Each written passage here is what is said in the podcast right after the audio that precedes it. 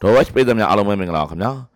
ဒီနေ့မှာဆိုရင်ခရစ်စမတ်အကြိုပရီးမီးယားလိပွဲစဉ်တွေကိုရှင်မြန်ကစားရမှာဖြစ်ပါတယ်ပရီးမီးယားလိဟာအခုဆိုရင်ပွဲချက်ကာလာတွေကိုစတင်ဝင်ရောက်လို့လာခဲ့ပါပြီခရစ်စမတ်အကြိုပွဲစဉ်တွေပြီးသွားခဲ့ရင်ဘောက်ဆင်တင်းတွေပွဲစဉ်ရောက်လာပြီးအဲ့နောက်မှာတော့နှစ်တကူပွဲစဉ်တွေကိုဆက်လက်ရှင်မြန်ကစားဖို့ရှိနေပါတယ်ဒီနေ့ရှင်မြန်ကစားမဲ့ပရီးမီးယားလိပွဲစဉ်တွေကအကောင်းဆုံးပွဲစဉ်တွေကိုရွေးချယ်ပြီးရင်ခုန်ခန်းစားအကောင်းဆုံးဘောလုံးပွဲစဉ်များဖြစ်သုံးသက်တင်ဆက်ပေးလိုက်ပါတယ်ခင်ဗျာ လီဗာပူးအာဆင်နယ်အမတ်ပေးစရာရဲ့ထိတ်ဆုံးနေရာအတွက်အပြိုင်ကြမဲ့ပွဲစဉ်ပါပဲခရစ်စမတ်ချန်ပီယံဘယ်သူဖြစ်မလဲကိုအဆုံးဖြတ်ပေးမဲ့ပွဲဖြစ်လာလိမ့်မယ်လို့တော့ဆိုရပါလိမ့်မယ်လီဗာပူးကအသင်းလိုက်ကစားအရန်ကောင်းနေပါတယ်ပြီးခဲ့တဲ့သတင်းပတ်တုန်းကအန်ဖီမြေမှာမန်ယူကိုအနိုင်မရခဲ့တဲ့အတွက်အမတ်ပေးစရာထိတ်ဆုံးနေရာကနေဖယ်ပေးလိုက်ရတာကိုပြန်လည်ကူစားဖို့အတွက်လီဗာပူးပြင်ဆင်ထားမှာပါနှစ်သင်းလုံးကရလက်ကောင်းတွေဇက်တိုက်ရရှိနေသလိုအမှားမခံစတမ်းကစားလုပ်နေပါတယ်ဂျိုင်ယက်တုန်းက ခရာဘောင်းဖလားပွဲစဉ်ကစားခဲ့ရတဲ့အတွက်လီဗာပူးကစားသမားတချို့ပွဲပန်းနေမလားဆိုတာကိုတော့ထည့်တွေးထားမှာပါအသင်းလိုက်စူစီယာကောင်းမွန်နေတဲ့အာဆင်နယ်ကလည်းလီဗာပူးကိုတူတင်ကိုတင်ကစားလာပါလိမ့်မယ်နှစ်သင်းလုံးကတိုက်စစ်လိုအားလုံးကောင်းမွန်ကြတဲ့အတွက်အပြန်အလှန်သွင်းကိုတွေကိုမြင်တွေ့ရဖို့ရှိနေပါတယ်အခုလိုပွဲမျိုးကိုအဆုံးဖြတ်ပေးလိမ့်ရှိတာကခန်းစစ်ကြောင်းပါပဲခန်းစစ်ကြောင်းအမားများတဲ့အသင်းကပေးဆက်မှုကြီးမားသွားပါလိမ့်မယ်တရေရလက်ကအမျှတဆုံးဖြစ်ပေမဲ့အားပေးမယ်ဆိုရင်တော့ အင်ရှင်အားသာချက်ရှိနေတဲ့လီဗာပူးကိုရွေးချယ်လိုက်တာကသာအမှန်ကန်ဆုံးဖြစ်ပါလိမ့်မယ်ခင်ဗျာဝါဆမ်မန်ယူဝါဆမ်ရဲ့ကစားကအတက်ဘက်ကိုရောက်ရှိလို့နေပါတယ်ဥရောပဘက်မှာရောပြည်ရင်းလိဂ်မှာပါဝါဆမ်ကပုံစံကောင်းရရှိနေတာပါမန်ယူနီးပြောင်းဖြစ်ခဲ့မှုတဲ့လက်ရှိဝါဆမ်နီးပြဒေးဗစ်မော်ရက်စ်ဟာဝါဆမ်ကိုတဆင်းချင်းအလိုက်ပုံဖော်လာနိုင်ခဲ့ပြီလို့တော့ပြောနိုင်ပါတယ်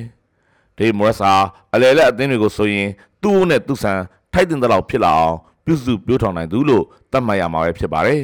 ။အေဗာတန်တို့ကလည်းသူဟာအခုလိုမျိုးလုတ်ပြနိုင်ခဲ့ပြီးပါပြီ။မန်ယူကတော့တနေရာချင်းအလိုက်မှာလိုအပ်ချက်တွေရှိနေစေပဲဖြစ်ပါတယ်။လီဗာပူးနဲ့ပွဲမှာအနီကတ်ထိသွားခဲ့တဲ့ဒါလော့မပါဝင်နိုင်လို့မန်ယူကန်စစ်ကြောင်းမှာဘယ်လိုလက်ရချက်တွေဖြစ်လာနိုင်သလဲဆိုတာကိုထည့်တွေးထားမှာပါ။ကွင်းလယ်မှာအသင်းကောင်းဆောင်ဘရူနိုဖာနန်ဒက်စ်ပြန်လည်ပွဲထွက်လာမှာဖြစ်လို့တည်ငြိမ်မှုအနှဲငယ်ရရှိသွားနိုင်တာကမန်ယူအတွက်အားတက်စရာပဲ။ဘုံမောက် ဘိုင်ယန်မြူးနစ်နဲ့လီဗာပူးတို့ကိုရင်ဆိုင်ခဲ့တဲ့ပွဲစဉ်၃ပွဲဆက်တိုက်၃ပွဲဆက်ဂိုးပေါ်ပြောက်ခဲ့တဲ့မန်ယူတိုက်စစ်ဟာဒီပွဲမှာလည်းဂိုးရဖို့အတွက်ရုန်းကန်ရပါလိမ့်မယ်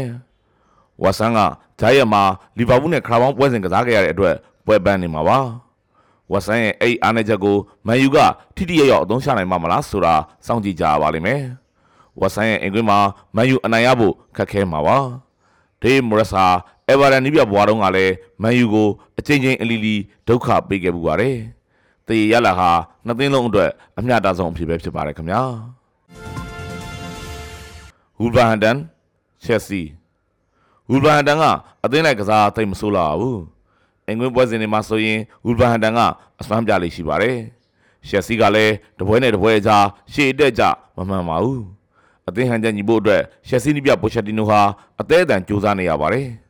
ဝူလ်ဗာဟန်တန်သာအိမ်ကွင်းအားသာချက်နဲ့ဖိအားပေးလာခဲ့ရင်ရှက်စီအခက်ကြုံနိုင်ပါတယ်။ဝူလ်ဗာဟန်တန်ဟာတည်ရတမှတ်ရသွားနိုင်ပါတယ်။ဝူလ်ဗာဟန်တန်ကိုအားပေးလိုက်ပါ။စပါအေဗာတန်ပွဲကောင်းတစ်ပွဲဖြစ်လာပါလိမ့်မယ်။အေဗာတန်ကလည်းနိုင်ပွဲတွေဇက်တက်ရရှိပြီးတန်းစင်းစုံတွေကနေပြန်လည်လွတ်မြောက်လို့လာခဲ့ပါပြီ။အမတ်ရှော့ပြစ်ဒဏ်ချမှတ်ခံထားရတဲ့ဂျားကနေအေဗာတန်အခုလိုရုံထွက်လာနိုင်တာကရှီကျူးကျင်စရာပဲ။ စပါကလည်းရလက်ဆိုးတွေကြားကနေနှစ်ပွဲဆက်အနိုင်ယူပြီးလမ်းကြောင်းမန်တက်စီကိုပြန်တက်လာနေခဲ့ပြီဖြစ်ပါတယ်။အေဗာတန်အတွက်ရှုံးဝဲဝဲပြန်ရောက်လာတော့မယ်လို့ယူဆမိပါတယ်။စပါကနိုင်သွားပါလိမ့်မယ်ခင်ဗျာ။လူတန်တောင်နယူကာဆယ်